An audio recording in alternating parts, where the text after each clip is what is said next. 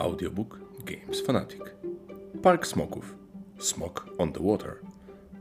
Tekst Piotr Propi Wojtasiak. Czyta autor. Tylko nie zrób żadnego żartu z jak wytresować smoka. Tylko nie rób żadnych żartów z jak wytresować smoka. Absolutne embargo na jak wytresować smoka. Pod żadnym pozorem nie zaczynaj od jak wytresować smoka.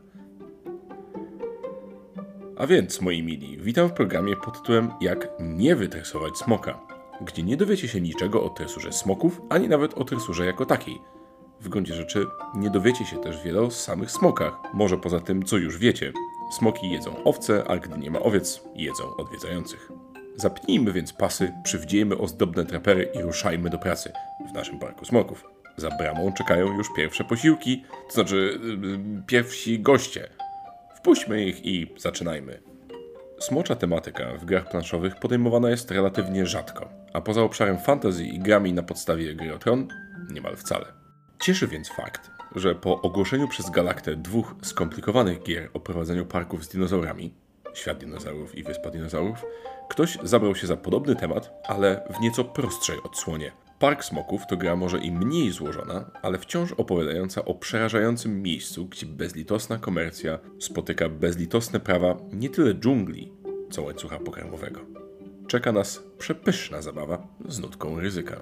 Zjedz lub daj się zjeść.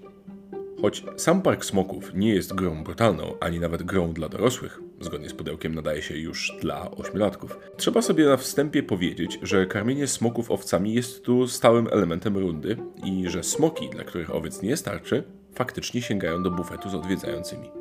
Wszystko to jest jednak podane w dość żartobliwej i lekkiej postaci. Nie ma więc mowy o krzykach w nocy czy moczeniu łóżka. Gra to czysta przyjemność i nie stanowi żadnego zagrożenia dla umysłów, ani młodych, ani starszych.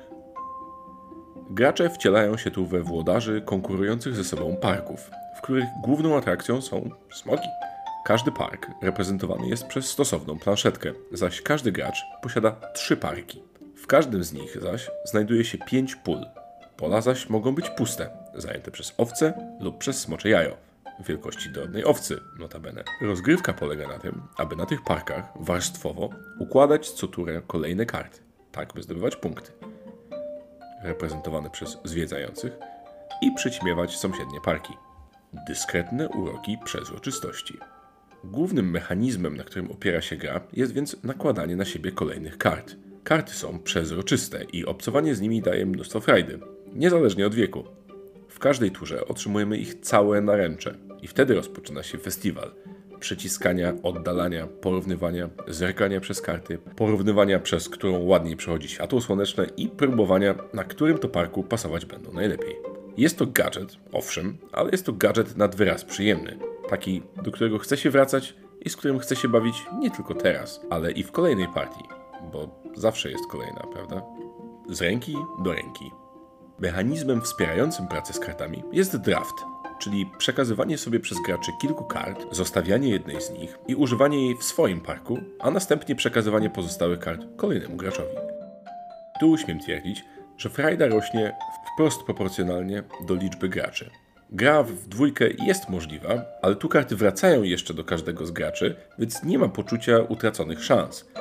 Przy trzech i więcej graczach na każdy zestaw kart spojrzymy tylko raz i odejdzie od nas bezpowrotnie. Budowanie strategii wygląda więc zupełnie inaczej w zależności od tego, w ile osób gramy. Punkty, czyli odwiedzający. Walutą w grze są odwiedzający. To ich liczba będzie decydować o zwycięstwie na końcu gry. Punkty otrzymujemy zaś z kilku źródeł. W trakcie swojej tury otrzymamy dwa punkty, ilekroć ikonę smoczego jaja przykryjemy ikoną smoka. Oznacza to, że w parku urodziły się młode smoczki, a co za tym idzie, do parku przybyli nowi zwiedzający.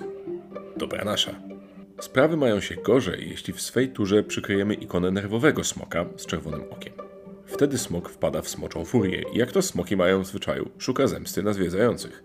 Tracimy jednego z nich, a więc jeden punkt. Na koniec rundy dokonujemy zaś podsumowania w trzech różnych kategoriach. Pierwsza z nich zmienia się co rundę i nagradza nas punktami za każdego modnego w tym sezonie smoka, którego mamy w swoim parku.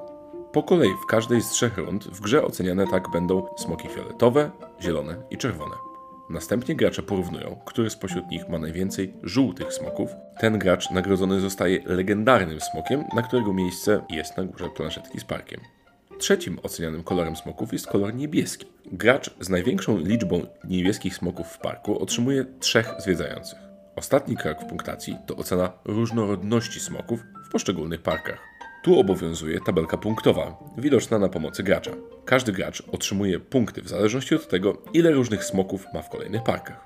Następnie runda kończy się, legendarne smoki odlatują i zaczyna się pora karmienia.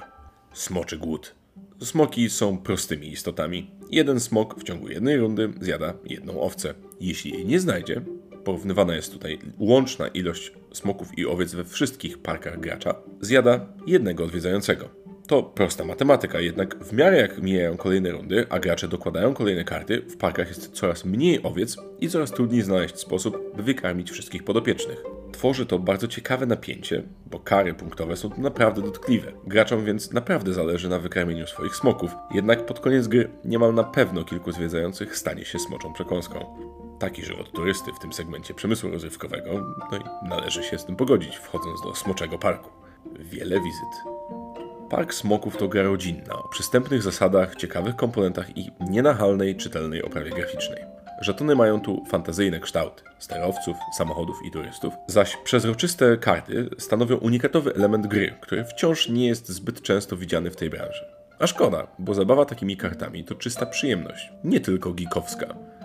Gra mogłaby spokojnie wykorzystywać do tego celu żetony, jednak transparentne karty dość pokaźnych rozmiarów robią tu wzorcową robotę i sprawiają, że grę trudno odłożyć do pudełka po jednej rozgrywce.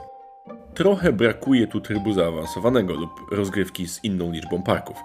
Jest to jednak tytuł skierowany do konkretnego odbiorcy i biorąc pod uwagę klarowność ikonografii, prostotę zasad i krótki czas rozgrywki, około 20 do 25 minut na partię, trudno oczekiwać mużdżenia na miarę dużych eurogier – Park Smoków świetnie sprawdza się jako filler czy rozgrzewka przed większymi grami, a z racji na niewielkie pudełko może być dobrym pomysłem na wiosenne wyprawy do parku. Sama gra zajmuje niewiele miejsca na stole czy kocu, można więc z powodzeniem rozgrywać szybkie partie w terenie czy na kawiarnianym stoliku. Do czego zresztą gorąco zachęcam. Czas już wyjść z grami w świat. Dosyć siedzenia w blokach i w pubach. Idzie wiosna. Weźmy więc ukochane karcianki i planszówki i ruszajmy przed siebie. Na plażę, do lasu czy do parku może nawet do parku smoków. Zalety. Przezroczyste karty dają dużo radości z gry. Przystępne zasady i krótki czas rozgrywki. I jeszcze bardziej przystępna cena. Wady. Gra zyskałaby dzięki trybom urozmaicającym lub utrudniającym rozgrywkę. Park Smoków to gra dla 2 do 5 graczy w wieku od 8 lat. Przy uproszczonych zasadach myślę, że można te granice jeszcze troszeczkę obniżyć. Potrzeba około 25 minut na rozgrywkę.